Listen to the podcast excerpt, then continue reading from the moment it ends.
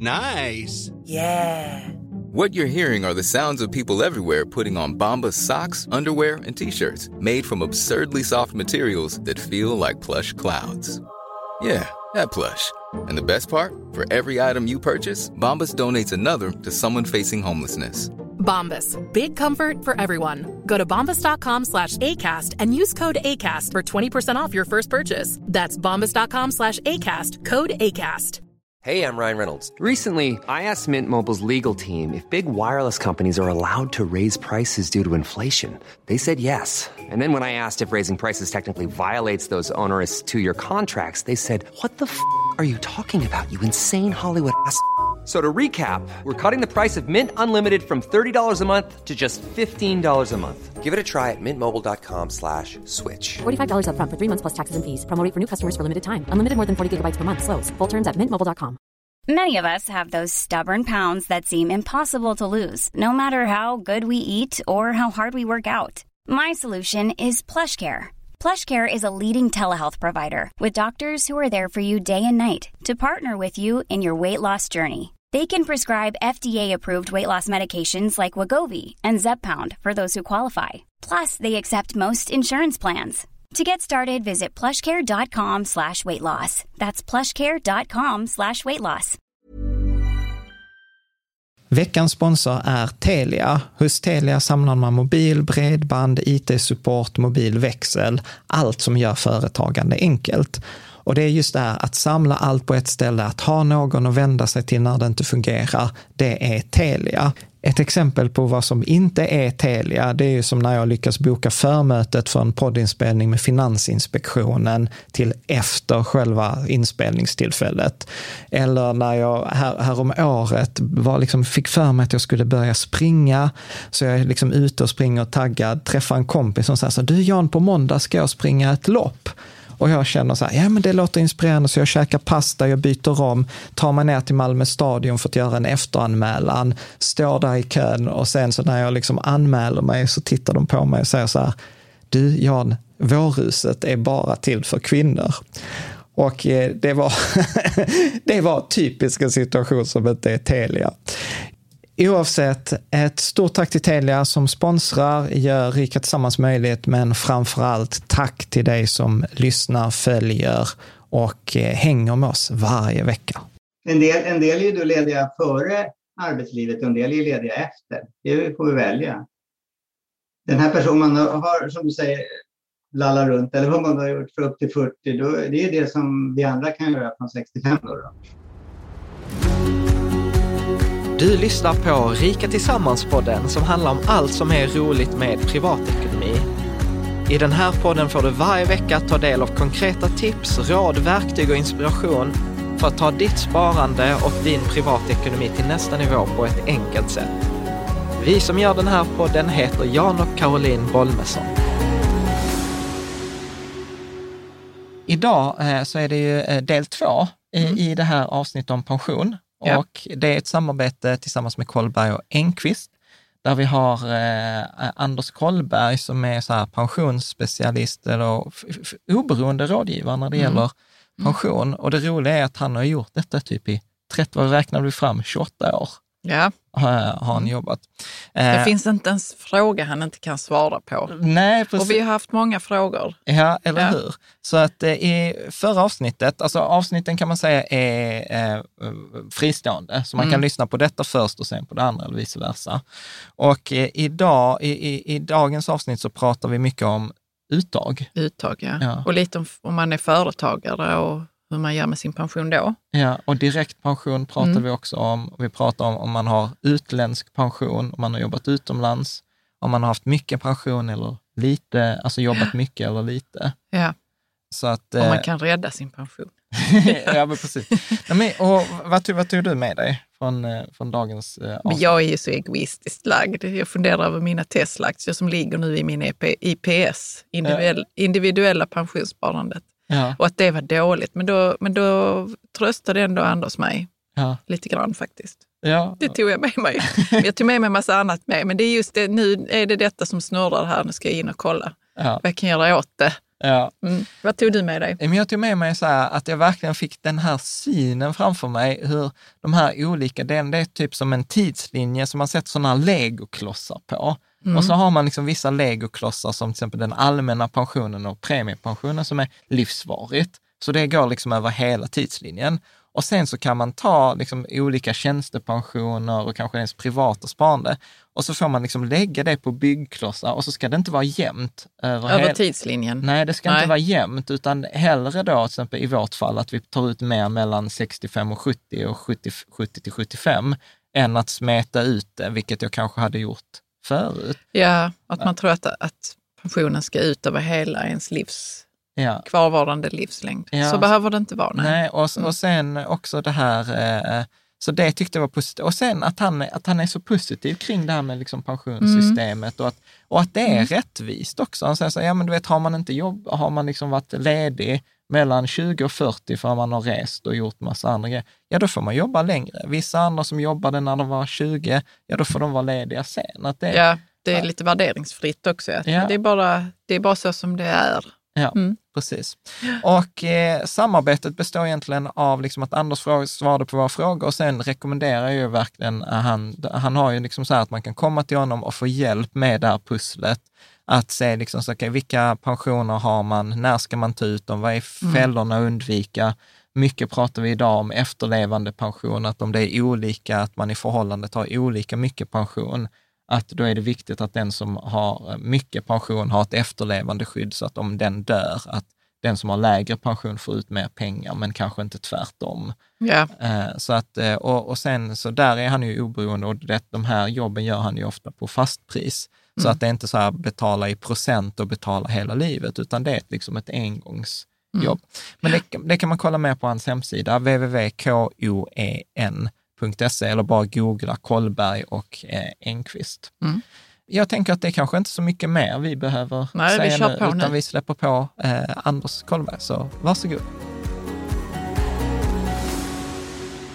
Varmt välkommen tillbaka, Anders Kollberg, här till del två om pension. Och eh, för dig som inte har träffat Anders i förra avsnittet så är detta en fortsättning på förra avsnittet där vi pratade om tjänstepension och lite om allmän eh, pension. Och idag så kommer det handla framförallt om uttagsfasen. Och Anders har jobbat med finansiell rådgivning i nästan 20 år och de senaste 11 åren, utöver de 20 åren, har han jobbat på Anders och Kollberg som pensionskonsult och pensionsspecialist och som en av verkligen få, eller kanske till och med enda, eh, oberoende finansiella rådgivaren just specialiserad på pension. Så varmt välkommen tillbaka Anders. Tack, vilket fantastiskt fin introduktion och presentation.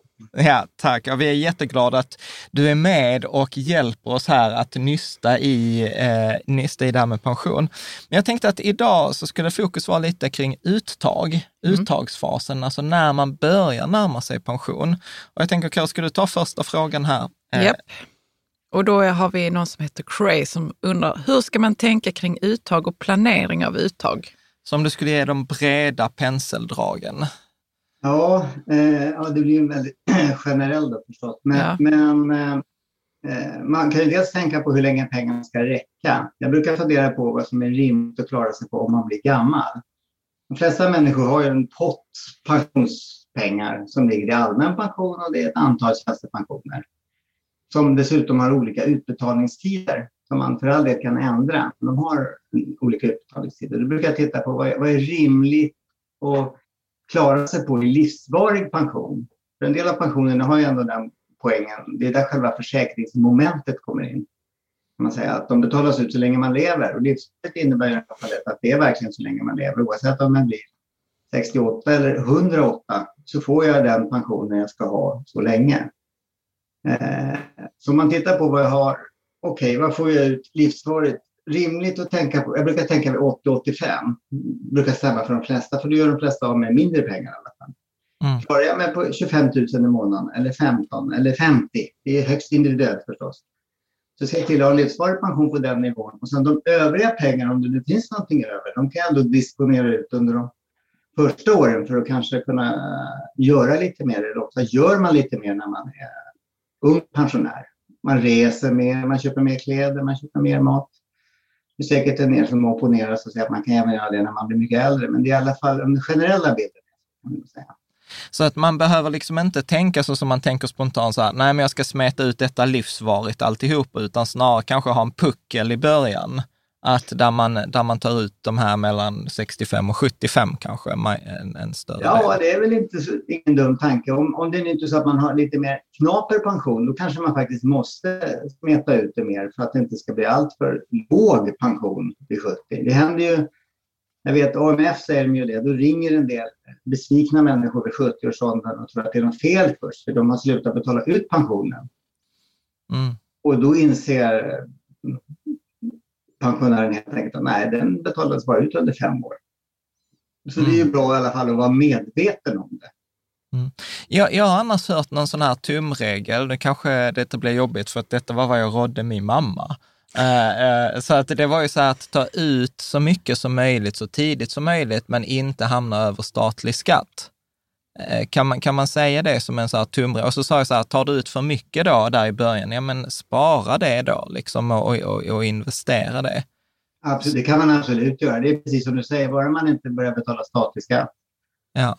Eh, och sen så att man håller sig, om man inte har väldigt höga pensioner, om vi undantar dem då, som ja. hamnar över statlig skatt hela tiden. Men, men eh, och sen är ju skatten lägre också från när man är 66. Det kan jag tänka på. Mm. Från 66 års ålder är det, skilj, det skiljer, kan ju skilja tusenlappar i månaden. Är, är, är det den vanliga skatten, alltså inkomstskatten, eller är det liksom om man är anställd? Det är både och faktiskt. Ju, nu har ju skattesystemet blivit så att det är väldigt förmånligt att lön eh, efter sex, från och med 66 och samma sak med pensionen är ju skatten lägre från 66 års ålder. Ja. Uh, för, för, att, och, och, om, vi tar, om vi tar den frågan så här, liksom med att jobba, jobba lite längre, för det har jag också så förstått, det är väldigt lönsamt. Mm. Uh, finns det några så generella tumregler kring det där, att om man jobbar tills man är 68, tills det är 65 eller? För jag upplevde nästan att man kunde få nästan 10-15 procent högre pension om man bara jobbade ett, två, tre år. Ja, det... men det, det, blir det. Det blir, det blir säkert minst 10 procent högre pension bara vänta ett år. Det är, näst, det är nästan till 10 procent per år. Det är så? Ja, det är helt ja. sjukt. Är, och, och, Men hur kan det komma sig att det är på det, det viset? Beror, dels beror det faktiskt mycket på den allmänna pensionen. Mm. Eh, den blir 0,7 procent ungefär högre per månad. Man tar den senare efter 65. Så det blir nästan 10. Mm. Eh, bara den allmänna pensionen. Och det beror på att den är livsvarig. Väntar man ett år, då får man i alla fall ut en ett år mindre helt enkelt. Mm. Aha, ja. Ja, och sen tänker jag också ränta på ränta som också liksom kickar in i liksom mycket i ja, slutet. De befintliga, de andra mer fonderade tjänstepensionerna och pensioner man har, de hinner ju växa till sig under ett år till, som du säger, och det hinner ja. betalas in under ett år till. Men betalas in, det är inte säkert det gör efter 65. Mm. Det beror lite på eh, vilket tjänstepensionsavtal man tillhör. Ja. Okay. Det måste man ofta prata med sin arbetsgivare om. Ja. Mm. Men jag tänkte bara fråga, du sa ju det i förra avsnittet vi körde att eh, det inte var så förmånligt att jobba samtidigt som man tog ut eh, lite pension. Minns du att vi pratade om det? Ja, precis. Då, då är det mest det, med tanke på skatten skulle jag nog säga i första hand. Så att mm. man inte jobbar, eh, i alla fall inte jobbar heltid och tar ut pension samtidigt.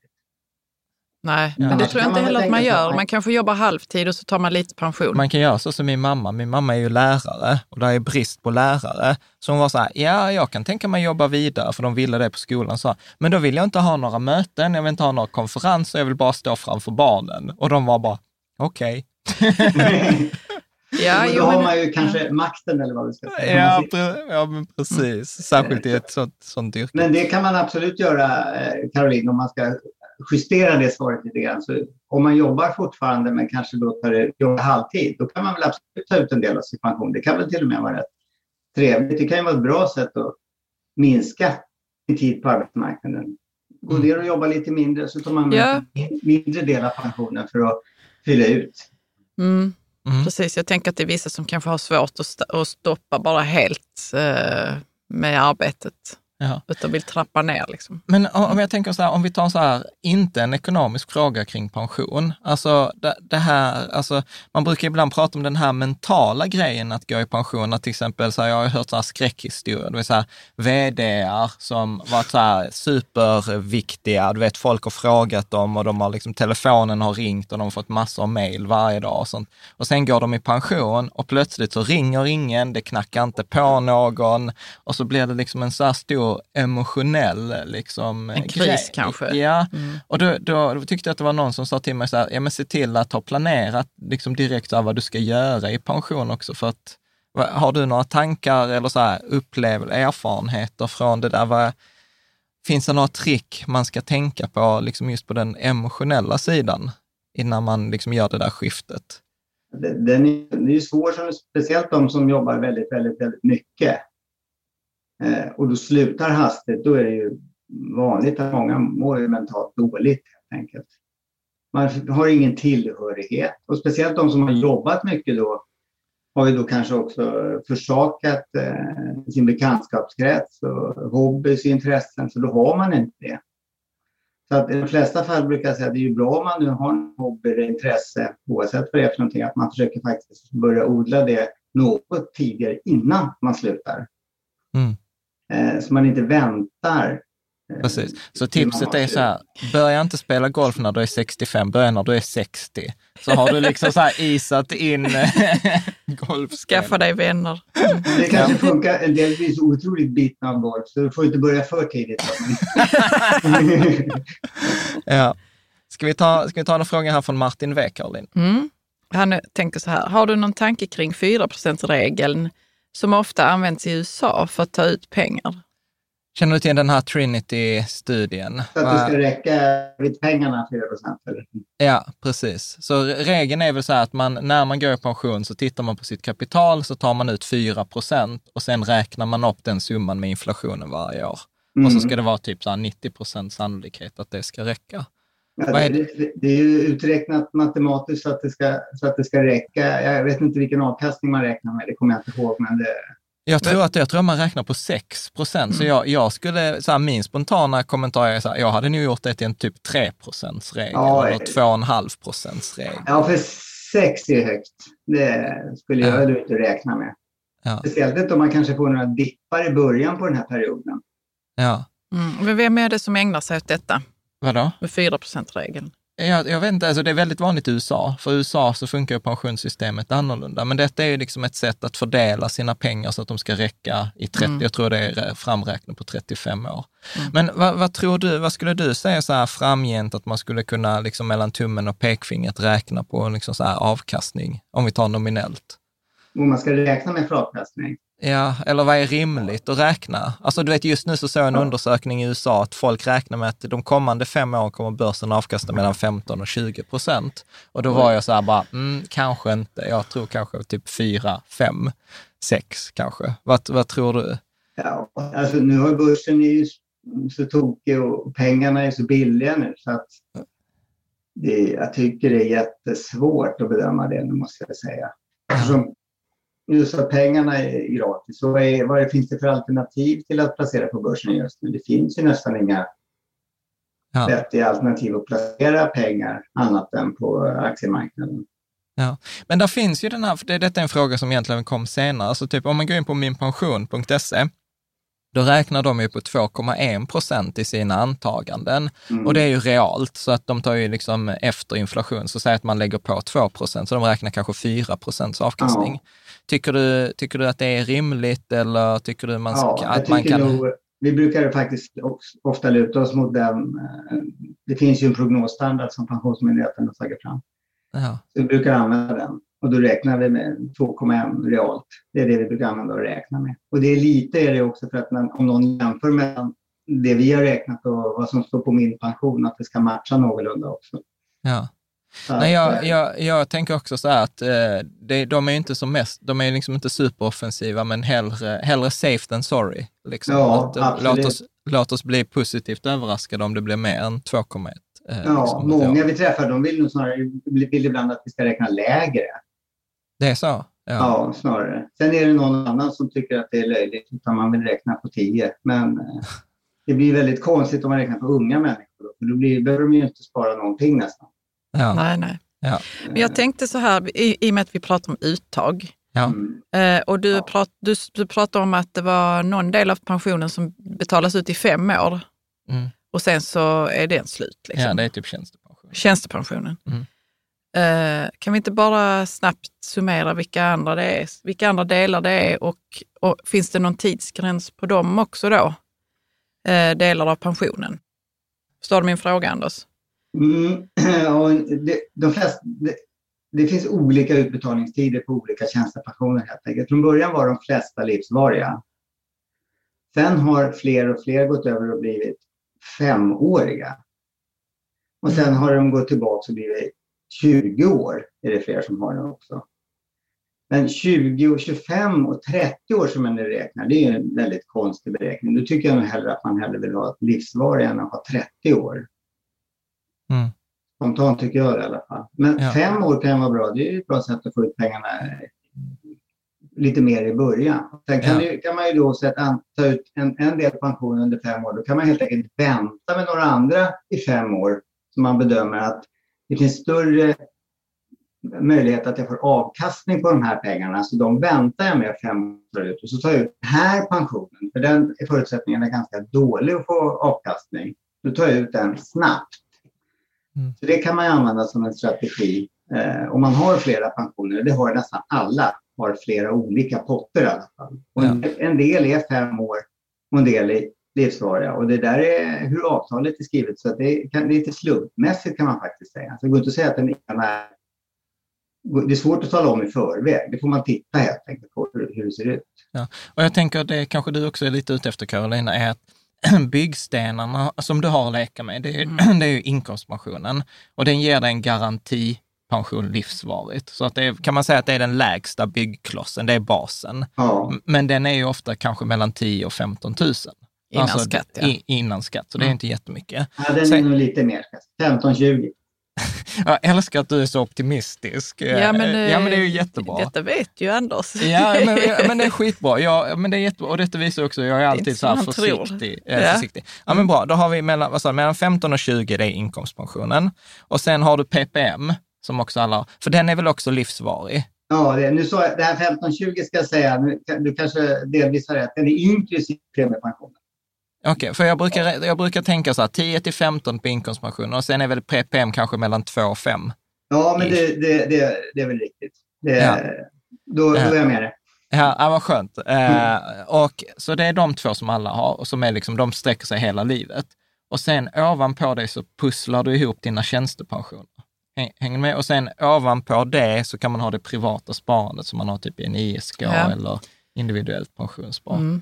Så att jag, jag Precis, tänker ja. som att man, som tidslinje med... Jo, men det är jättebra, men, det, men jag tänker också så att det finns nog en del som, som eh, kanske inte alls närmar sig pensionen, men som tänker så, tänk om, om pengarna kommer att ta slut någon gång. Alltså att man har den oron mm. och att man inte vet att vissa, vissa delar av pensionen är livsvariga. Ja. Men, men också sen... det där att man kanske har en livsstil som, där pensionen inte räcker till. Mm. Att man kommer att tycka att det är fattigt att vara pensionär. Förstår ni vad jag menar? Men är det lite en så, för det, det kommer ju i, media från tid till annan, så här, fattig pensionär som inte har råd att köpa glass. Alltså, ja. hur, hur, hur, vanligt är det? Eller är det liksom så här media som gillar göra drama? Liksom? Det, är, vad, det, det är klart det finns de som har det jättesvårt, så det betvivlar jag inte en sekund. Men, men fattigpensionär är ett starkt ord tycker jag skickar rätt starka signaler om att faktiskt, vi har ju också även skydd inom den här allmänna pensionen, inkomstpension och premiepension, så finns det ju något som heter garantipension. Som, som är en lägsta nivå. Eh, mm. och så finns det något som heter äldreförsörjningsstöd och så finns det bostadstillägg, olika man kan söka. Ja. Så att det finns komplement att söka för de som har låga pensioner. För visst finns det de som har låga pensioner. Mm. Men ofta de som har låga pensioner, de har ju ofta inte jobbat, antingen har de inte jobbat alls eller jobbat väldigt lite. Eller för all del kvinnofälla man säger ibland, att många som har jobbat halvtid, deltid mm. hela livet och då har haft i sammanhanget låg lön. Och då blir ju pensionen blir ju utefter den lön man har. Mm. Den Mm. verkliga lönen. Ja. Uh, var det svar på din fråga, Caroline? Ja, Ska du Det ta... var det. Så fattigpensionär tycker är ett rätt starkt ord. Det är inte så många ändå. Det, eller ja, jag vet, jag kan inte, de vi träffar har ju i alla fall råd att betala oss för att få en utredning. Men Mm. vi träffar ju de som har ganska låga pensioner också som kanske får ut 15 16 000 totalt. Men har man den pensionen då har ju de ofta en, en låg, relativt låg lön också. Mm. Och utgifter ofta som hänger ihop ja, då har med, de, med ja det är där. inte som att de har haft det jättefett och sen så får de Nej, vänja det, sig det, vid det, något. det, jag- skulle säga att det är högst ovanligt att någon har haft 50 000 i månaden under hela livet och sen går det ner på 10. Ja. Alltså, Ja, det, ja, ja. Då det liksom hänger ihop. De, Men de ska- enda som kan göra det, det är om man har jobbat som företagare då se till att undvika att betala skatt och ta ut lön och, och äh, inte spara till pension i någon form. De kan ju få lite Ja, knapert. Då, då. Ja. Men då har man har ändå ett eget ansvar kan jag tycka. Mm. Det, vi, vi ska tänka att vi ska ta det med, med företag liksom sen. Men jag ska, ska vi ta Eriks fråga här, för jag tycker den passar ihop här. Mm. Han, han undrar så här, hur ser det ut rent statistiskt på senare tid för de som är 65 till 85 år idag? Har många sparat ihop för mycket och tar ut för lite utifrån sin li- livssituation och medellivslängd och livskvalitet på äldre dagar? Eh, Det vill säga frisk i kropp och knopp. Ja, för att Mm. min, min spekulation, eftersom om jag pratar med många av de som lyssnar på vår podd eller liksom hänger med oss, så, så skulle jag säga så här att sannolikheten är nog större att de kommer dö med pengar på kontot Mm. än att de dör barskrapade. Eh, hur, hur Man är använder den sista hundralappen Ja, men precis. dagen man... För- Men det hade ändå varit rätt skönt. Fan, jag har tajmat min kalkyl perfekt. Liksom, så här. Fast det, tungt är ju inte den sista, det det är ju livsvarigt vissa, Ja. vissa delar. Nej, men vad, Man men har det där- sånt där timglas man ställer sådär. Bara titta på det. Ja. Men vad är, vad är din upplevelse om, om vi tar, liksom, jag fattar att detta är inte den, den medelsvensken eh, liksom, som kanske kommer till dig eller som lyssnar på vår podd, utan de ligger ofta högre i lön. Eh, har du någon upplevelse kring det där att liksom, man, man har haft så ångest hela sitt liv som man pensionssparat och sen plötsligt har man för mycket pengar liksom, inom sitt Det, det, det är fler som upplever att de får mer i pension än vad de trodde. Mm. än tvärtom. Så de flesta blir faktiskt glatt överraskade. Mm. Kan säga. Och sen är det också så att när man väl går i pension, då, den, den liksom, livsstil man har valt eller kunnat välja beroende på den inkomsten. har man kanske, den har man ju inte satt vid 63 utan den har man ju satt i alla fall kanske vid 40 då, eller någonting när man hade. Den livsstil man hade, man har anpassat sin inkomstnivå eh, från kanske 10 år innan pension. Och sen när man väl går i pension, då har man både högre lön och pension. Så de flesta får, alltså de flesta som går i pension gör då inte av med hela sina, gör inte av med lönen helt. Så då, då räcker pensionen. Jag tycker Mm. det snarare är relativt vanligt kan jag säga. Mm. I alla fall bland de vi träffar. Ja. Jag men absolut. Eh, och sen, tänk, sen tänker jag också en annan grej som jag just nu upplever för dig och mig är svår att se, Caroline. Det är ju så att när man har småbarn, alltså ett barn kostar ungefär 5 000 spänn i månaden. Alltså, så har man två barn, så det går liksom 10 000 spänn i månaden som kanske inte fortsätter när man är 65, för då är liksom barnen kanske lite, lite äldre.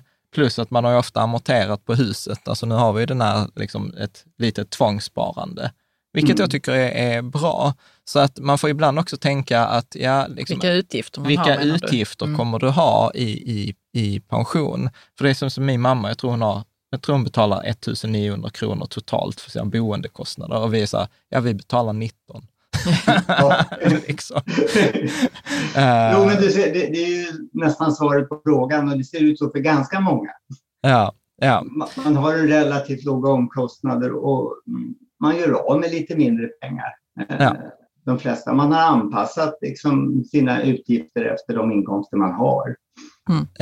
Ja. Så att, Ska vi- eh, jag tycker, upplever att det inte är så, det är inte så många som har problem av de vi träffar återigen. Då. ja, ja. Mm. Ska vi ta Hulda-Björnas Ja. fråga? Vilka fallgropar ska jag som enskild firma tänka på nu när jag planerar att ta ut min pension vid 62 års ålder och orka fortsätta jobba ändå?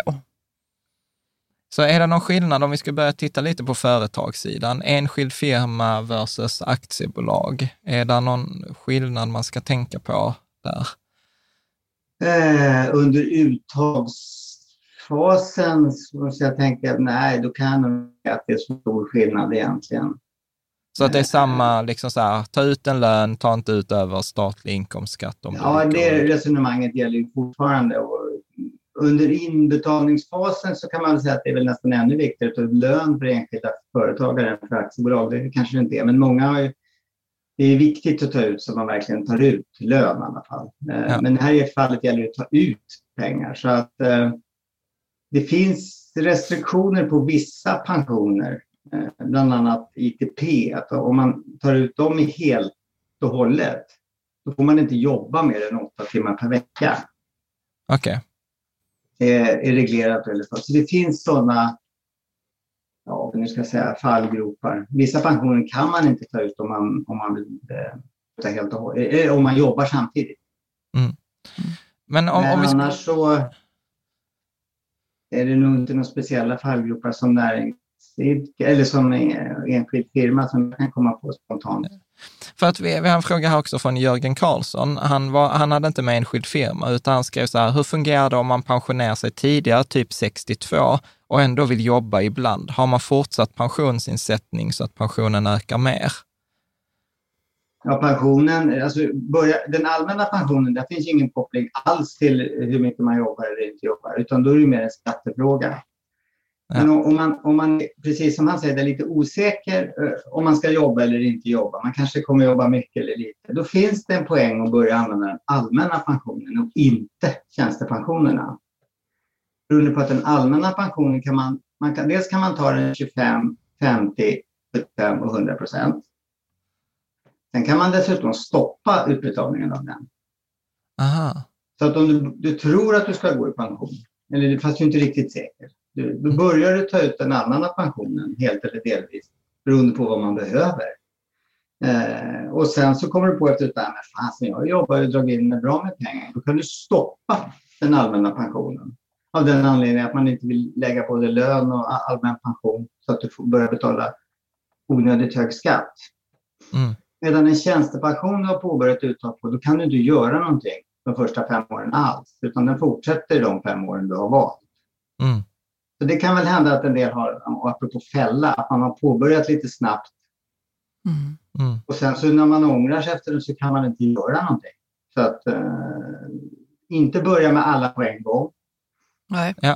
Och vill man ha någon som inkomstregulator, då kan man faktiskt använda den, använda den eh, allmänna pensionen. Det är Mm. som Ja, men toppen. Och, och, och, då- och det startar man och slutar via Pensionsmyndighetens hemsida.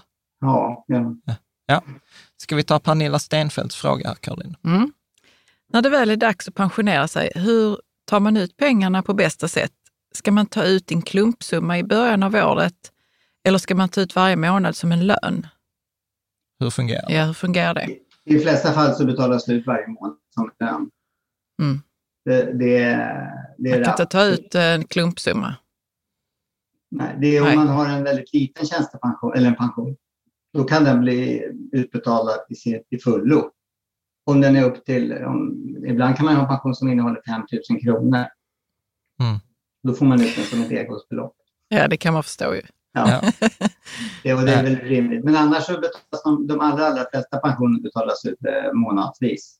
Ja. Som en lön då. Helt enkelt. Och så Mm. drar, drar bolagen också preliminärskatt eh, enligt skattetabell om man inte talar om någonting annat.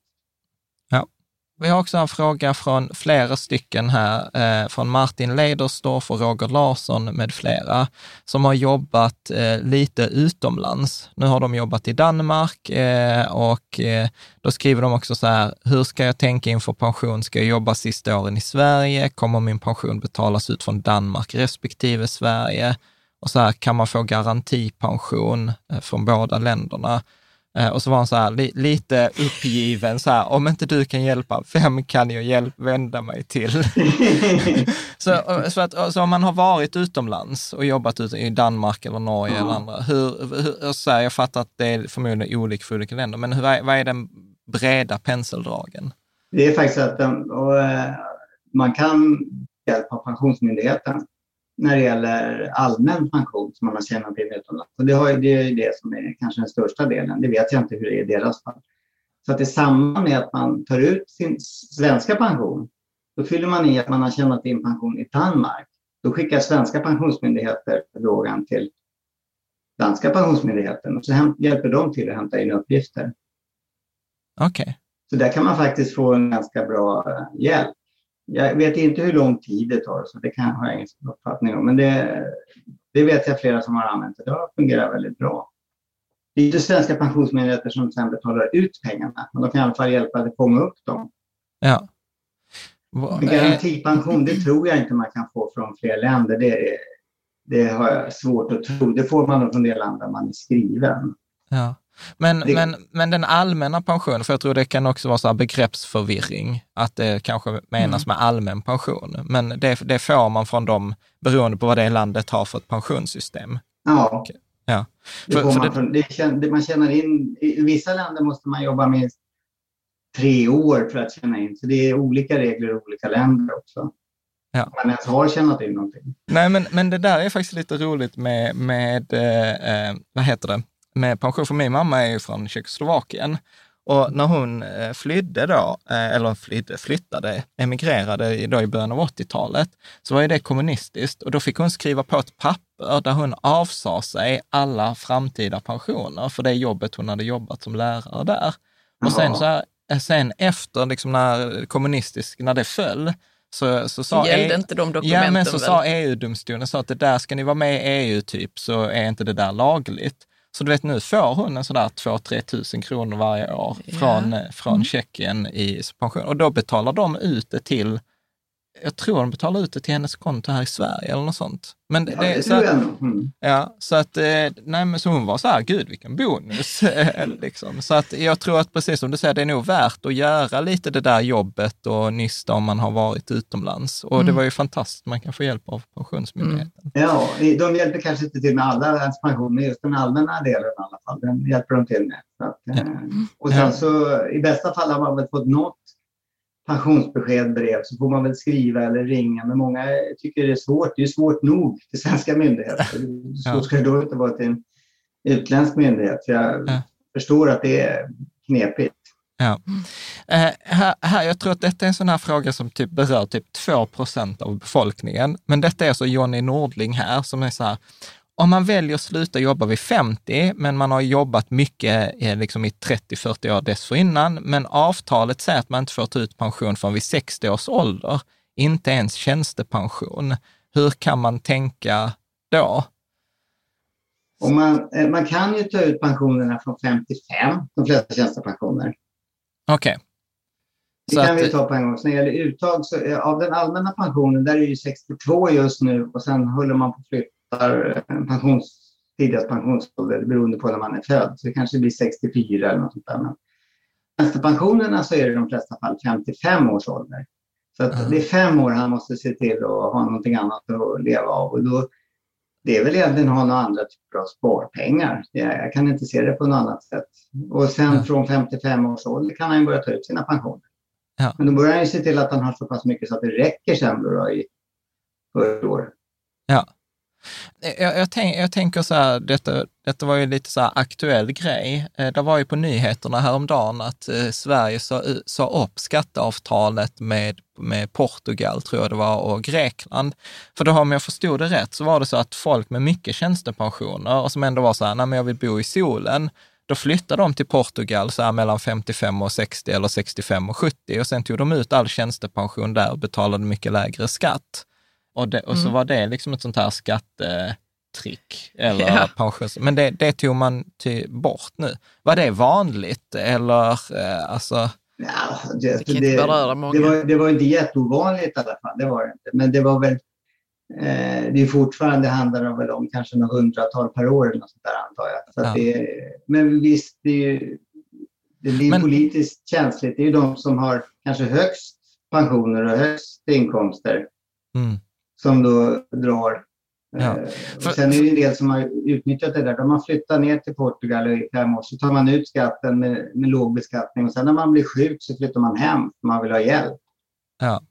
För, för min, min generella... Ja, det är inte så fint. Nej, för min generella eh, så här, rekommendation alltid när folk kommer till mig, du Jan, du vet så här, man kan starta bolag på Malta eller man kan ha bolag i Estland nu. Och, och då är jag så här, gör inte det. Alltså du vet så här, de här luckorna, du vet, det, det är bara en tidsfråga innan det täpps till. Så liksom så här, var, försök inte vara smartare än Skatteverket. Det brukar inte funka.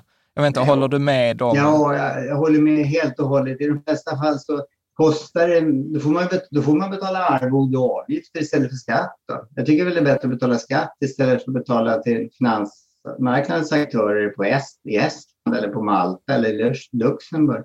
Ja. Jag nästan hellre betala skatt än, än höga transaktionskostnader och avgifter. Så att, men en del är ju som besatt av att inte betala skatt. Ja. ja. ja, men precis. Men det, det, den approachen har inte vi i alla fall. Men det här med att flytta till Portugal, det kan väl, vill man flytta till Portugal så ska man väl göra det. Så det har jag inga synpunkter på. Men har det varit så att om man har privat eh, tjänstepension intjänad i privat tjänst, Ja. eh, då har man kunnat plocka ut den helt utan skatt i Portugal.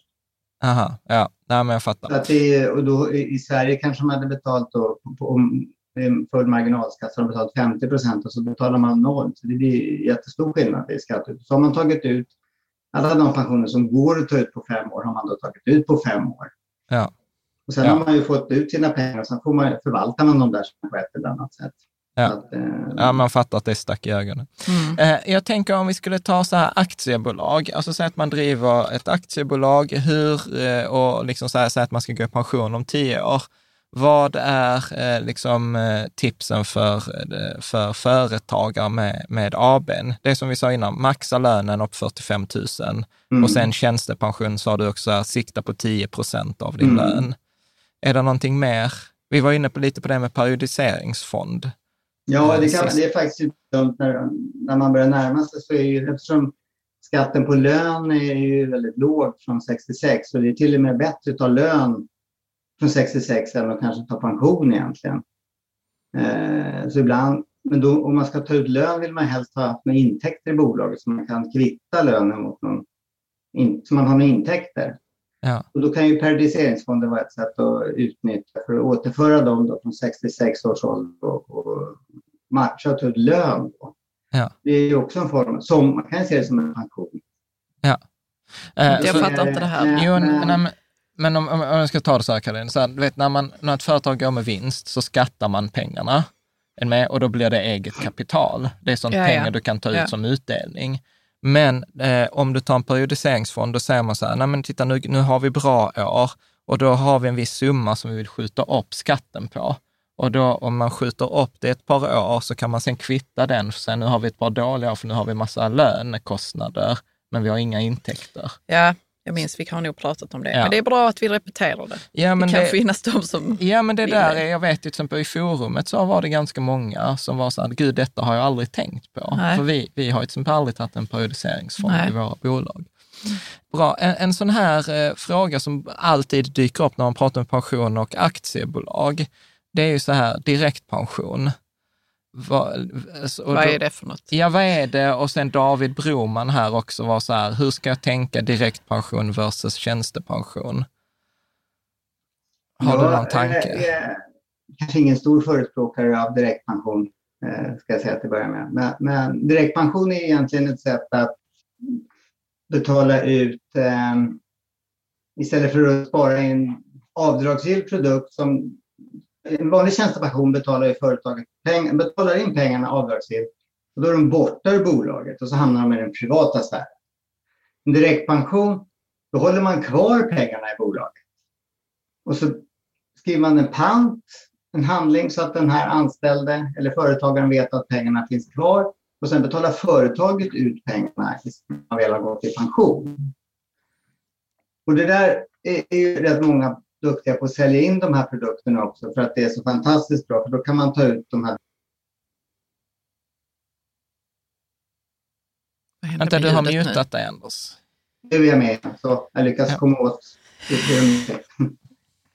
eh, Då kan man ta ut de här pengarna eh, som utdelning eller lön eller pension, säger då förespråkarna av direktpension. Mm.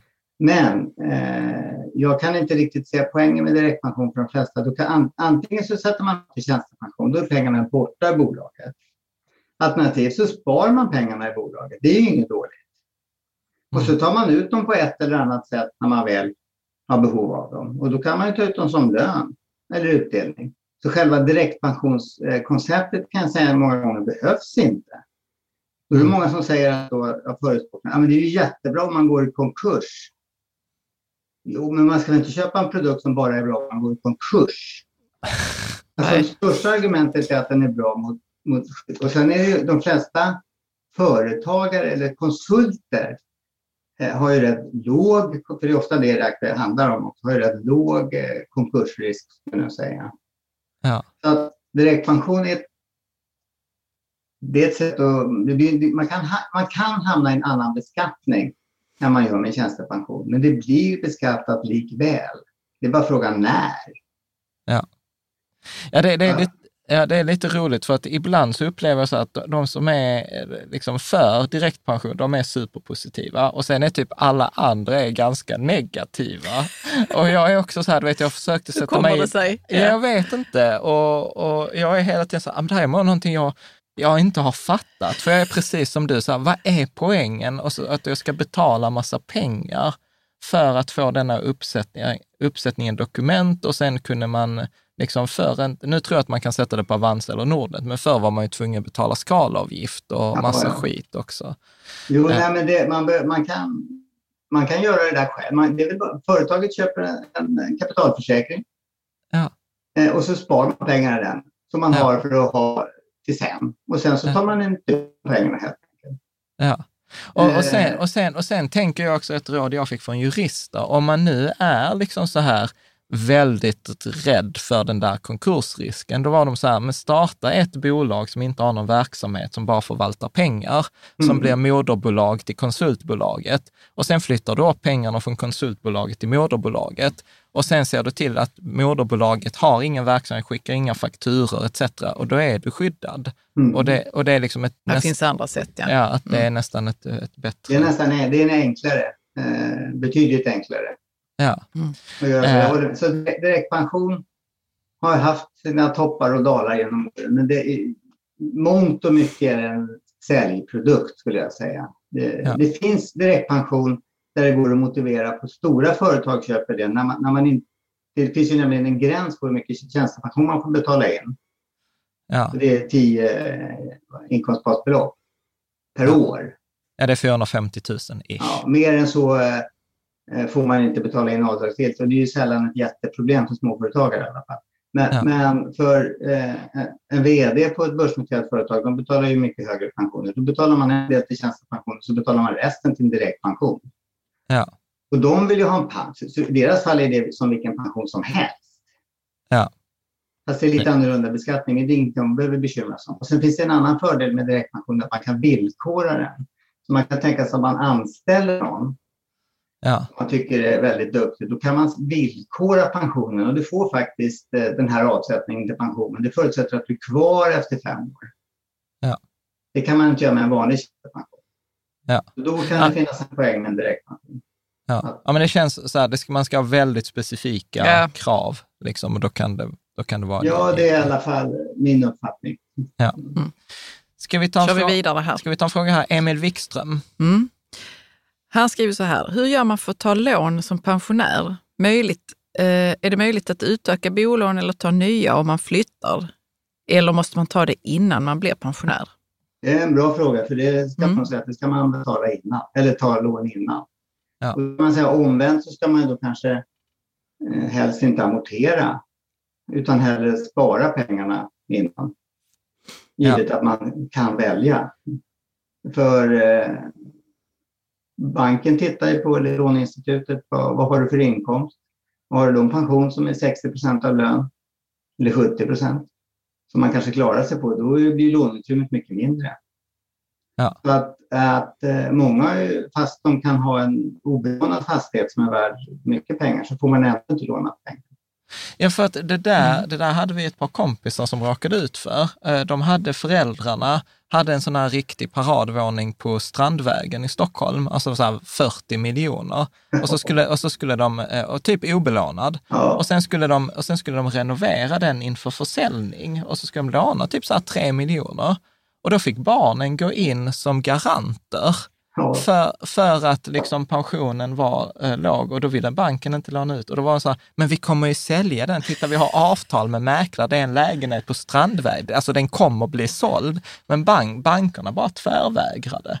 Ja, Så- Nej, men det kan väl vara så att det är något som Ja, men ändå att- är en osäkerhet in i det sista Nej, men det är som man banken. uppfyller, nej, men man uppfyller inte kalkylerna. Nej, jag det, förstår att man inte gör det. Men ja, Ja. vi behöver inte gå in på hur banken hanterar sånt. Ja, de bedömer att man inte kan betala räntan helt enkelt. Ja, Mm. ja, De är inte säkra på att man kan betala räntan. Nej. ja, nej men Så att precis. det, nej, men det, det var typexempel. Ja, typexempel kanske inte är 40 miljoner för fram. Nej, men, men det där är så här, alltså, alltså typ när man är så här 55-60, det är då man börjar planera för att ta ut ett lån. Eh, liksom. Ja, då, så, då kanske man inte ska... En del tycker då att liksom, är man satt i skuld är man inte fri och sådär. Då amorterar man som en galning då för att vara borta med skulderna innan ja, pension. Och det, är okej om man också har pengar vid sidan. Men om man har, inte har någon övrig förmögenhet eller tillgångar som är likvida, då skulle jag nog eh, fundera ett varv till om man verkligen ska amortera istället spara de pengarna. ja. Ja, Nej, men det där är så klassiker. Det, det lär man sig ganska snabbt som företagare, att banken ger dig paraply när det är sol ute och så fort det börjar regna vill de ha tillbaka paraplyet. Liksom. Ja, det. Här, här är en ganska spännande fråga också. Eh, hur kan man tänka om man är liksom i ett parförhållande och man har väldigt olika pensionsförutsättningar? Alltså finns det några, liksom, Vad är problemet? Jo, men säg till exempel att du har varit hemma och du, vi har inte betalat din pension till dig och du får ut 10 000 och jag får ut 70 000. Mm. Ja. Vi är ju ett par ju. Ja, men alla har inte gemensam ekonomi. Nej, alla har inte gemensam ekonomi. Liksom. Nej, Det- det, det är en relevant fråga. Och vad händer om någon av dem dör? Den som har hög pension, vad händer då med den andra? Så att det, det är en bra, det, det, dels kan man, man kan ju tyvärr inte överlåta pensioner utan vidare. Men däremot premiepensionen, den har ju en möjlighet faktiskt att överlåta i alla fall framtida inbetalningar till sin partner. Så att i de fall där man är, är, har i alla fall några år kvar till pension, där partnern, antingen man själv tjänar bra och ens partner tjänar dåligt, då kan man logga in på Pensionsmyndigheten och överlåta framtida inbetalningar till sin egen premiepension så att det istället går till ens partner. Det är en bra. Mm. Eh, och sen när man väl börjar ta ut pensionen, om vi nu tänker oss fram i utbetalningsfasen, för då är den varianten lite för sent. Eh, då kan man tänka lite bland annat på det här med efterlevandeskydd. Att den partner som har låg pension själv eh, och partnern då har hög, då kan man kanske ta bort efterlevandeskyddet på alla pensioner. Och den som har den lägsta pensionen. Högre själv. Ja.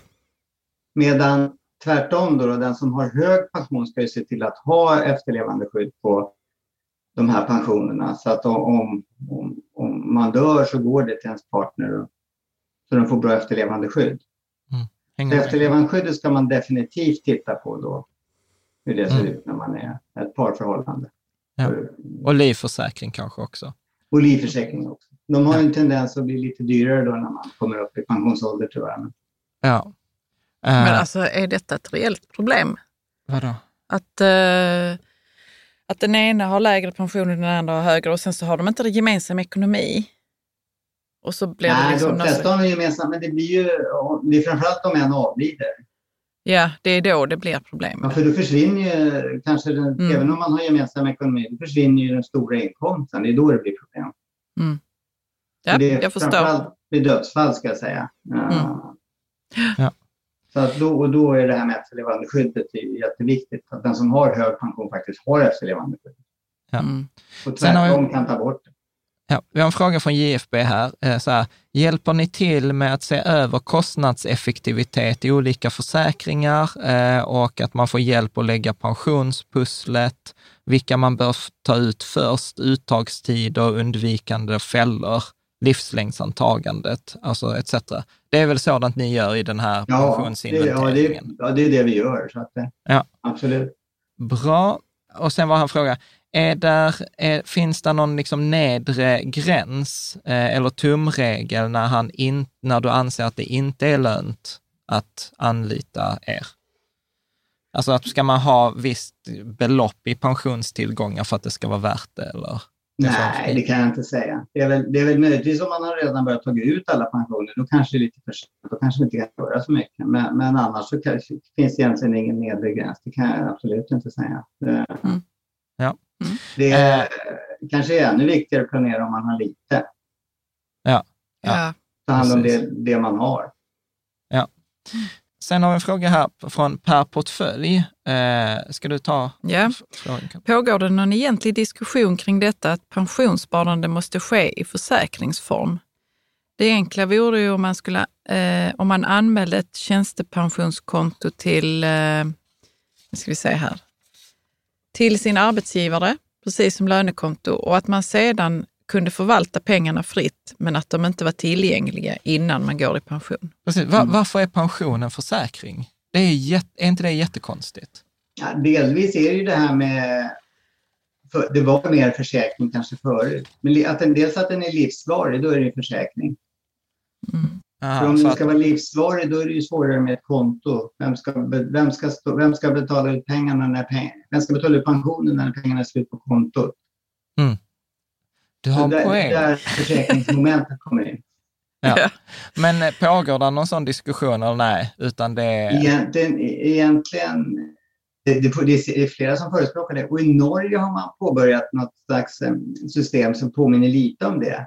Där man har ett eget pensionskonto. Men det har man börjat med i år, tror jag. Alltså det är helt nytt. Okej.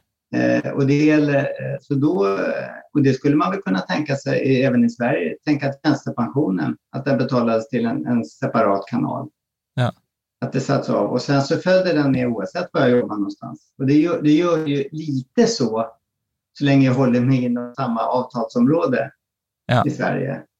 Men Ja. börjar jag byta till, an, från kommunal till privat anställning, då faller det. Men så länge jag håller mig inom liksom mitt Ja. mitt avtalsområde, då, ja, då är det lite åt det hållet, men inte alls så bra som man skulle önska, som du säger Karolina. Ja. Det, mm, ett konto hade väl varit elegant. Och det hade gått att lösa det här med livsvaret också, om det är obligatoriskt för alla. Då går det att lösa. Ja. Jag, jag, jag tänker, alltså nu kanske jag formulerar frågan fel, men detta var en fråga som kom upp också i forumet. Jag tror så här, om man har ITP1, är det så att hälften måste vara i traditionell förvaltning? Går det något sätt att komma förbi det? Att man tar allt i en liksom, fondförsäkring? Nej, det går tyvärr inte, utan hälften går i traditionell försäkring. Har det varit annorlunda innan? Att- Nej, inte ITP1 tillkom ju då eh, Ja, nu vet jag inte när det tillkom, det kan jag kommer jag inte ihåg faktiskt. Men då eh, bestämde man att det skulle vara så i alla fall. Så man vill, vill, vill inte släppa loss kapitalet helt fritt då, så att alla skulle, så att individen skulle kunna göra tokiga val. Eller Jag vet inte hur man har tänkt faktiskt. Men, Okej. ehm, Ja, mm. men då har vi, så, så är det skönt så här som bara, nej det går inte, behöver man inte tänk, tänka mer på det. Eh, eh, bra. Ska Däremot vi- om man får förfina det så kan man välja olika bolag. Man behöver inte lekbara läkta. Okej, ja men det är bra. Ska vi ta Jolles fråga här? Ja, Jolle. Eh, han frågar så här, om man antar att man jobbar utomlands och har noll pensionssparande på den inkomsten, vilken procentandel ska man spara av sin utländska lön för att spara samma mängd som typiskt sätts undan åt dig inom den svenska arbetsmarknaden på en svensk bruttolön? Då kan man tänka sig, först ska man ju betala in allmän pension. Det är 18,5 procent. Vad sa du, 1800? 18,5 procent. 18,5 procent. 18,5 procent. Mm. Eh, och sen så skulle man väl tänka sig att man ska betala tjänstepension och då kan man väl tänka sig att man betalar in motsvarande ITP1 om man nu ska jämföra någonting, om det är en tjänsteman. Och då beror det lite på vad man har för lön. Och då ska man väl betala ungefär jag säger 4,5. 5 procent på lönedelar upp till 7,5 inkomstbasbelopp och sen 30 procentenheter på det som är högre. Så, så Då kan har man säga, någonting som motsvarar svensk lön. eh, eller förmåner från en svensk lön.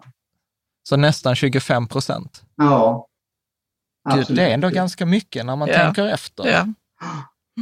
Ja, det är, det är mycket. Det är, Och då börjar man tänka så här, fan, svenska systemet är ändå ganska generöst. Eller ganska så här, eh, liksom ja, positivt. det är rätt mycket man vill skicka in, så är det. Så Ja. säg som du säger, 25 procent får man väl skicka in i alla fall. Det är väl en rim, låter, låter väl rimligt. Ja.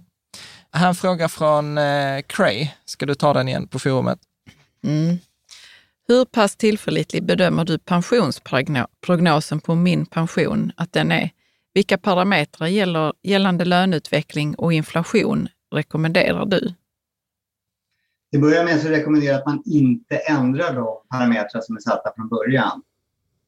För det, och det kan man väl göra enstaka tillfällen. Problemet är om man går in och laborerar med dem för mycket, det är att när man kommer in nästa gång så är det väl återställt till, till det ursprungliga. Så att det skulle nog för de allra flesta låta den prognosstandard och de beräkningsgrunder som finns ligga kvar. Eftersom det är fortfarande som en jämförelsetal man får från ett år till ett annat. Men eh, de flesta pensioner kommer i alla fall med till min pension. Tyvärr inte alla, det finns sådana som inte kommer med. Sen om någon pension har påbörjat utbetalning, då försvinner de också från min pension. Det är en del som har märkt, Mhm. tyvärr. Men eh, sen är det ju som vanligt eftersom mycket av det som ligger för många är ju fonder. Så att det är klart, går man in ena veckan och sen får man en viss prognos och sen går du in veckan efter och så har det gått, börsen gått ner 20 procent och de värdena precis rapporterat. Då, då är det faktiskt, påverkas ju faktiskt pensionen. Mm. Ja. Så att, men jag skulle nog säga att man kan lita på dem ganska bra. Det är ju som alla prognoser, de blir ju bättre ju närmare uttagsålder man kommer förstås. Mm. Och är, är man 30 år så blir det väl väldigt grovt förstås, det säger sig själv. Ja. Då är ju inkomstutvecklingen så svår förutsägbar. Ja. Men för de Eh. flesta dödliga skulle inte jag gå in och börja laborera med, med de olika parametrarna. Det kan man göra. Men det gäller ju verkligen att veta vad man gör då. Alltså jag känner ändå så här, efter nu, nu har vi snart pratat i så här två, två och en halv timme om pension, så känner jag ändå så här, det svenska pensionssystemet har ändå växt på mig. Jag tycker att det är rätt bra uttänkt. Ja, men så här, du vet, så här, minpension.se är bra, Pensionsmyndigheten är bra, jag upplever att kundtjänsten på Pensionsmyndigheten är bra. Alltså att det enda som är klurigt är ju matematiken, alltså det där pusslet. Det, det är ju det som det gäller att hålla, hålla tungan eh, rätt. Liksom. Men eh, min pension, när kom den egentligen, den sidan? Jag vet inte, det var ett, ett samarbete mellan massa aktörer. Ja, det är Pensionsmyndigheten och eh, antal försäkringsbolag helt enkelt, pensionsbolag. Ja, jag upplever det som att eh, det blev enklare när det kom ja. och att pensionen innan dess har varit lite... Vad Det har man varit säga? svårare. Ja, lite svårare. Och sen så bara, detta är min upplevelse då, att man bara, nu styr vi upp det här. ja. Och så kom de in pension.se och man kunde titta på de olika delarna och det var färger. Och, Ja. Alltså att man försökte göra det lite begripligt och Ja. översiktligt. Ja. Och att det skedde för några år sedan.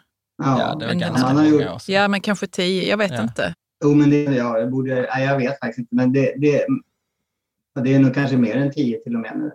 Det, är- men man har gjort en jätteinsats faktiskt, för det, det är ett hästjobb för dem att få in information från respektive försäkringsbolag. Det ska ju skapas standardiserade filer som ska skickas då från Folksam, Alecta, Avanza, och in till min pension. Eh, och de ska sammanställa dem där och göra prognoser som är rimliga och vettiga.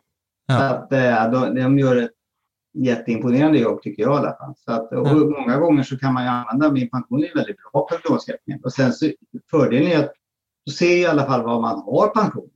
Många vet ju inte ens vad man har än, var den ligger någonstans. Ja. Nej. Så, så står det då SCB eller AMF, jaha, då vet man var man ska vända sig i alla fall om man har frågor.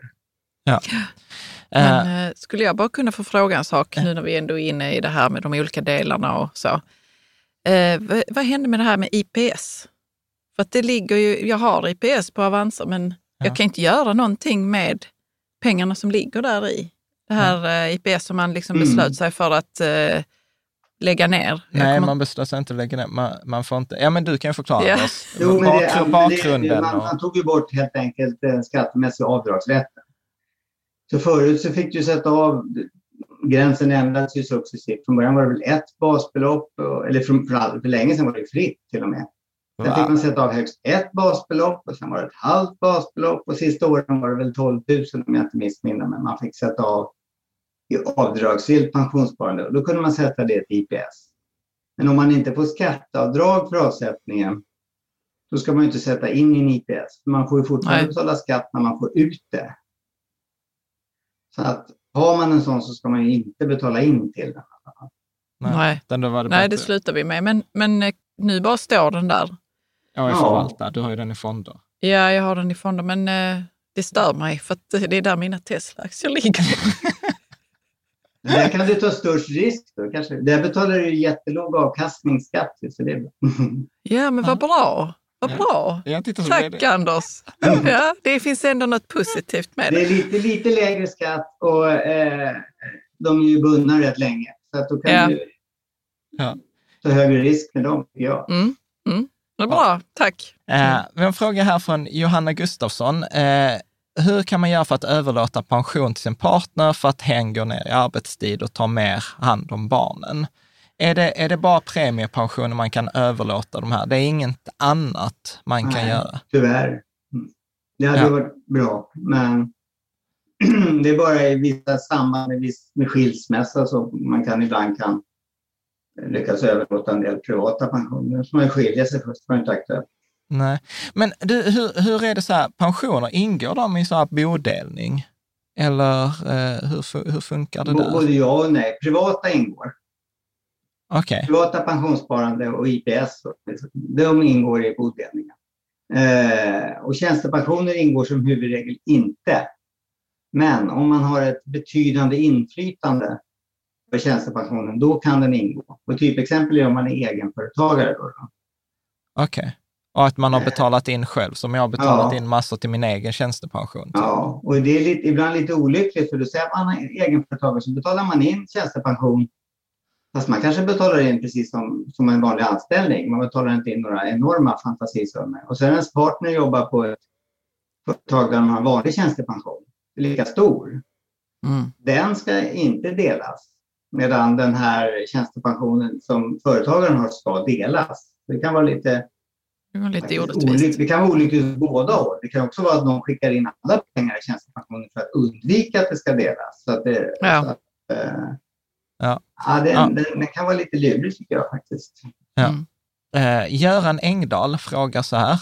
Om man eh, funderar på att pensionera sig samtidigt trots åldersskillnad, vilka möjligheter och fallgropar är bra att känna till? Eh, ja, typ. Det var det som var frågan. Mm, ja, vad ska vi tänka då? Ja, till att börja med måste det beror på hur stor, är det stor åldersskillnad måste man till den yngre om den ens kan ta ut pensionen. Det var ju det första. Ja, Eh, och allmän pension har man ju flyttat åldersgränserna sak- sakta men säkert uppåt. Då. Men annars så, eh, åh, vad ska man tänka på? Efterlevandeskyddsdelen, där kan man väl tänka sig på att den, den, den äldre kan man, ska ju se till att ha efterlevandeskydd så att det verkligen betalas ut till den yngre Ja. eh, om man avlider. För den yngre lär ju då inte ha tjänat in så mycket pension kan man väl i alla fall anta. ja. Så jag vet inte egentligen vad man ska tänka på. Nej, jag- speciellt. Jag kommer, jag, kommer knappt på något speciellt som är just i det förhållandet. Nej, jag tänkte, jag tänkte precis samma sak. Eh, Mm. liksom som Efterlevandeskyddsdelen är väl det som som man kan viktigast. tänka och titta på. Eh, eller om det är så att den ena har, partnern har väldigt hög pension kan man ju kanske ta ut den lite tidigare då, då om det är möjligt. Och sen kanske man kan istället dela på den då, och Ja. vänta med den som har låg pension. I Sverige har vi ju, lite lurigt tycker jag, vi har ju ingen begrepp för i England har man ju olika begrepp för att gå i pension och ta ut pension. Alltså man kan vara pensionär utan att ta ut pension. Alltså, Ah. man, eh, men- medan i Sverige är pension ganska vitt begrepp. En del, man pratar, en del ska ju gå i pension vid 30. ja, det är gänget. Ja, Eh, så. och en del vill ju aldrig gå i pension för att definitionsmässigt vill man inte vara pensionär men man vill ju ta ut pengarna. ja. För pension tycker jag är lite lustigt begrepp egentligen på det sättet. Bara, vad, Mm. Det är ganska vitt begrepp. Är, pension, är pensionen pengarna eller är pension en Grej. ålder? Ja. Mm. Jag tänker Eller så här, det? jag tänker på det här fina ordet så här, rentier. Liksom, att man, man lever på avkastningen. Men, Mm. eh, eh, men det, jag tänker också så här, Pia Brändsjö frågar så här, eh, tips till någon som inte har haft möjlighet att pensionsspara så mycket tidigare, men som har kanske 10-15 år kvar till pension. Eh, Så här, hur, hur ska man tänka? Hon så här, hög, eh, låg eller mellanrisk eller i, jag tänker väl snarare så här, tricket är väl att, få, ja, att jobb, spara mycket i så fall och jobba längre. Ja. Ja, det- det, det är ju, precis, jag håller med dig. Eh, spara, spara mycket och är man anställd då kanske man kan se på möjligheten att löneväxla. Eh, Ja. Ja. Och sen kanske man får jobba lite längre. Räkna med det helt enkelt. Men går det liksom att kompensera eh, om man har liksom inte så mycket pension redan Alltså- insparat? Liksom? Ja, Jag såg, jag såg ett citat som var på nätet som var så här, alltså du behöver inte bry dig om din pension förrän du är 64, då behöver du bara spara 350 procent av din lön och ha f- 20 procents avkastning. Ja. Ja. ja, det var ju bra.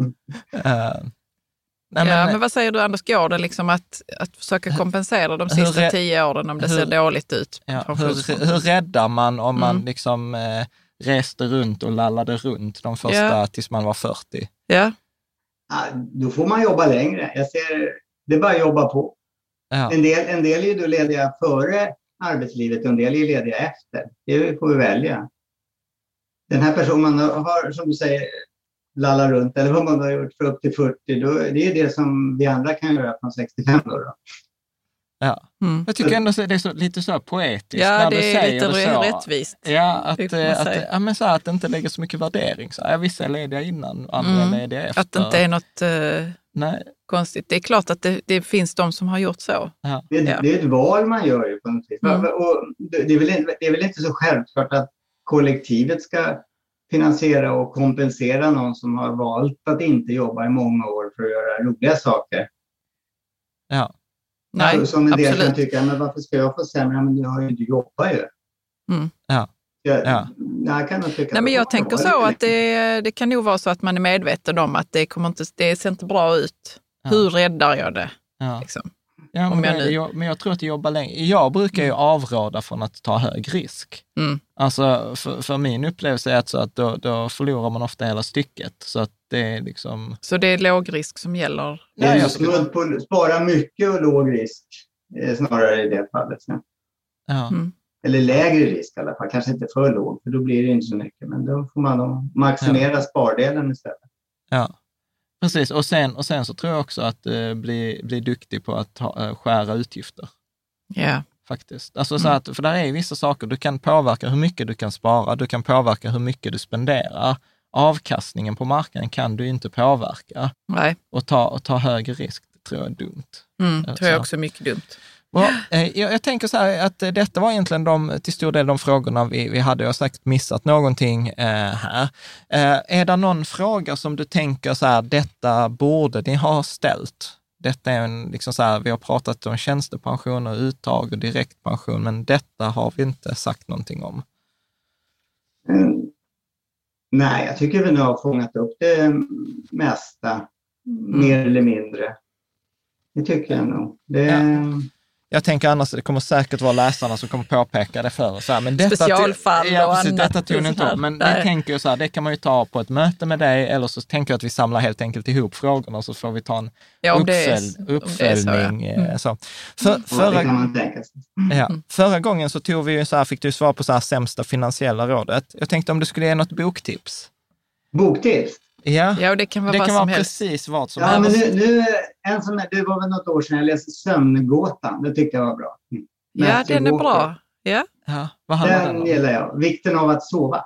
Men det är väl en forskare som har skrivit en bok om sömn. Den är väldigt Och vad som in- händer när man inte sover och vad som händer när man sover Ja. i hjärnan och i kroppen. Ja. Ja. Vad, vad tog du med dig från den andra? då? Förlåt? Vad tog du med dig från boken? Nej, Alltså vikten av sömn överhuvudtaget. Att det, att hur pass viktig den är eh, för hur vi ska fungera och vilken roll sömnen har. Man kan ju tycka att sömn, verkar vara, en del tycker att det är slöseri med tid. Eh, Mm. på något vis. Ja, där, kanske där hamnar att- jag. Men det kanske är snarare så att sömn är liksom egentligen normalläget. Och sen har sömnen, för, alltså om, eftersom vi nu under sömnen, man kan inte försvara sig, man kan liksom inte fortplanta sig, man kan inte skaffa mat, så borde ju sömn... Och ändå sover vi. Det måste innebära att sömnen är otroligt viktig. Annars skulle vi inte sova. Ah, du menar så att annars Ja, hade logiskt. naturen Det är prioriterat... Nu pratar Anders, att du in det- i min värld här bara så. Ah, annars var, hade den Anders, var det den boken där de pratar om att hjärnan tvättas när man sover? Att den Eh. tvättas, ja. Ja, att det finns ett sånt här eh, system där man... Det det heter något speciellt. Flyttar- Glym, glymfatiska... Men det glymfatiska flyttar om informationen från korttidslagring. Det är nästan som en dator, det är inte riktigt lika så. att Man har korttidslagring och långtidslagring. Så att det samlas ihop un- under den här korttidslagringen på dagen eller när man är vaken. och så när man sover, då struktureras den här informationen upp och lä- läggs i långtidsförvaring. Mm. Eh, och sover man inte, då, då sker inte det där. Och då tappar man information. Man blir Ja. lite dum. Ja, du, Ja, men det är en bra bok. boktips, den, Bra den, tips. eh, Mm. Ja, den tycker jag är bra. ja, men vad Tack roligt. Anders. Du, Ja. Anders, eh, precis som förra gången, ett fantastiskt stort tack eh, för att du har tagit eh, och delat med dig både av din tid och din eh, kompetens. Och eh, jag, jag- jag vet inte, jag, jag känner mig ändå så här positiv. Ja, att, jag det, med. att det är verkligen så här att nej, men det finns hopp om det, det kommer ändå gå bra. Vi har ändå ett, liksom så här, politikerna har ändå gjort en bra grej i Sverige här med pensionssystemet. Så att, ja, jag, Mm. jag tycker det är fantastiskt. Det Och- finns hopp tycker jag, absolut. Jag håller med. Ja, vad roligt. Och vill man komma i kontakt eh, med dig så gör man det enklast via din hemsida som är www.koen.se. Eh, Och där kan man också lä- läsa om den här, liksom att man kan träffa dig och få hjälp med det här pusslandet med legobitarna, vad man ska tänka på, fällorna man kan undvika, etc. Mm. Och eh, ja, jag tänker så här, ja, vi, vi- får bjuda tillbaka dig lite senare i år, Anders. Eh, och så får vi prata när vi, när vi har eh, liksom blivit lite mer klokare och lite mer förvirrade. Liksom. Ja, repetition är bra. Ja. Tack så hemskt mycket, Anders. Tack. Ha en bra tack dag.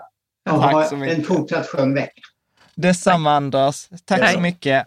Så, då var det äntligen så här, när, när vi nästan gjort 200 avsnitt på bloggen, så har vi äntligen, Äntligen har vi berört pensionen. Ja. Ja, på ett värdigt, eh, Ja. på ett värdigt sätt. Med en Upple- expert. Ja, Mm. upplever jag eh, faktiskt.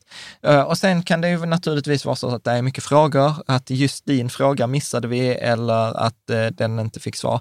Och då rekommenderar jag verkligen så här, ta forumet. Alltså där har vi en hel kategori som heter pension. Vi har väldigt många läsare som ställt de här frågorna som är duktiga och jag vet faktiskt att Anders också från tid till annan besöker eh, forumet om det är en sån fråga som kanske inte passar att man eh, anlitar honom för att göra en Nej, hel... Då eh, går han in och svarar. Ja, ibland Ja. eh, svarar han och eh, framförallt eh, så är, hjälps ju vi andra på Mm. forumet. Nu är vi faktiskt, jag tror flera tusen medlemmar eh, och där är ju många frågor sånt som dyker upp varje dag. Så Ja. eh, riketillsammans.se eh, forum eller om man bara går in på Riket Tillsammans så trycker man på forum. Så det är jättekul och det är kostnadsfritt såklart. Mm. Snyggt! Jag tänker att det var allt för denna veckan och Mm. så ses vi nästa.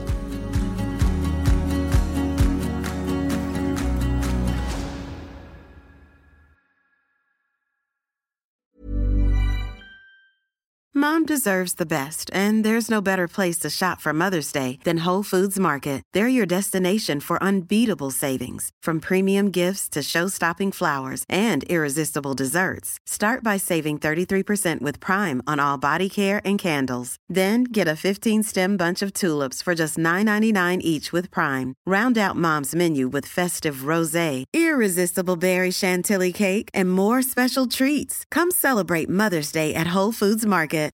When you make decisions for your company, you look for the no brainers. And if you have a lot of mailing to do, stamps.com is the ultimate no brainer. It streamlines your processes to make your business more efficient, which makes you less busy.